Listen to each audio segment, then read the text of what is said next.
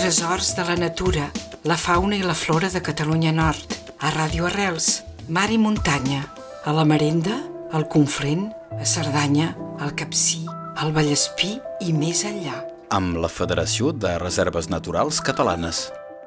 Estem a Pi, a la Reserva Natural de Pi, amb Raül Pimenta, tècnic, que treballa especialment a Pi, però també a tota la Federació de Reserves Catalanes. Raül, quina és la teva, la teva feina, la teva missió? Um, a la reserva de Pi soc, uh, soc tècnic uh, de la reserva natural i després uh, tinc uh, la meitat del meu temps el seguiment uh, dels galinacis de muntanya, el gall fer, uh, la perdiu de la neu uh, i la perdiu dels Pirineus i, i això eh, és una part eh, que faig eh, a totes les reserves naturals.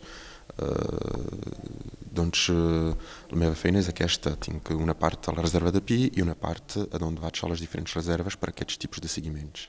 Parlem de, dels ocells. Hi ha realment ocells amenaçats a Catalunya Nord?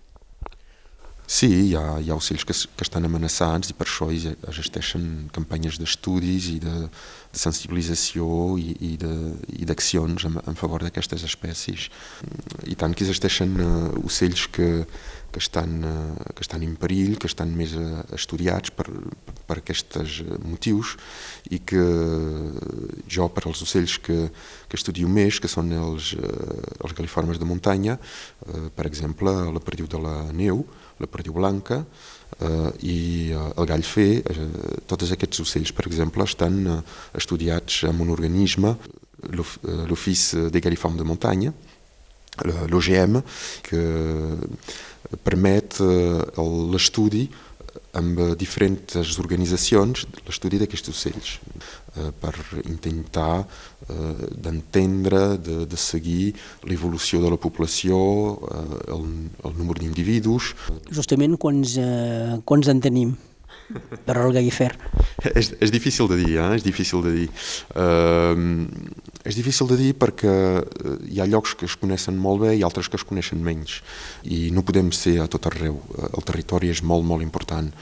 Als Pirineus Orientals, per exemple, parlem del gall fer, em sembla que els últims estudis estan al voltant d'uns 500 individus, eh, una cosa així. Ara tindria de, de confirmar ben bé els números, però eh, és més o menys la, la, aquest número que, que, està, que està citat. Nosaltres a les reserves naturals el que hem constatat principalment, però és un, tenim eh, els llocs els més fràgils, on els hàbitats són els més fràgils per a aquesta espècie, eh, l'espècie va baixant i els llocs on hi ha mm, les condicions són les més òptimes eh, es, es manté com es pot, però eh, els números han, han baixat aquests anys, sí. I quins serien els motius d'aquesta baixada?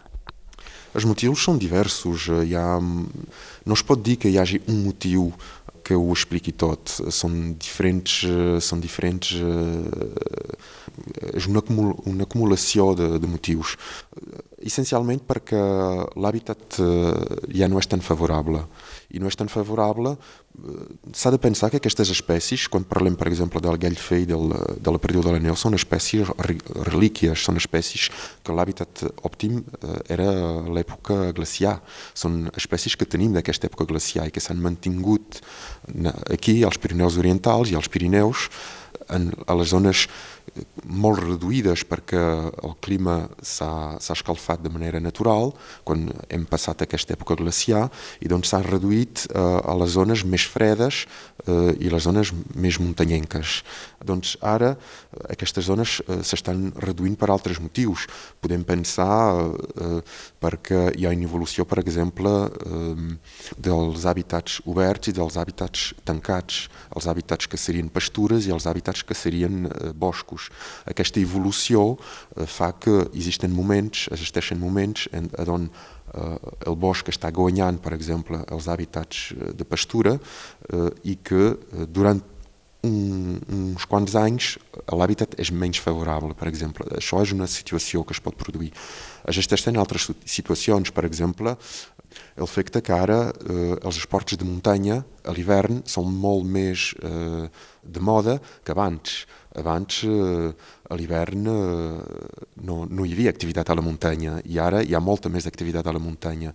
Una espècie com el gallfer és extremament sensible a la, a la pertorbació hivernal, perquè són animals que tenen un vilà energètic molt i molt baix eh, i que eh, a la mínima que, que que, que hagin de marxar del lloc on estan eh, passant l'hivern per una raó o una altra, per un predador, per el passatge d'un ser humà, perquè el ser humà és considerat com un predador per aquests ocells, ells marxen i consumeixen extremament molta energia.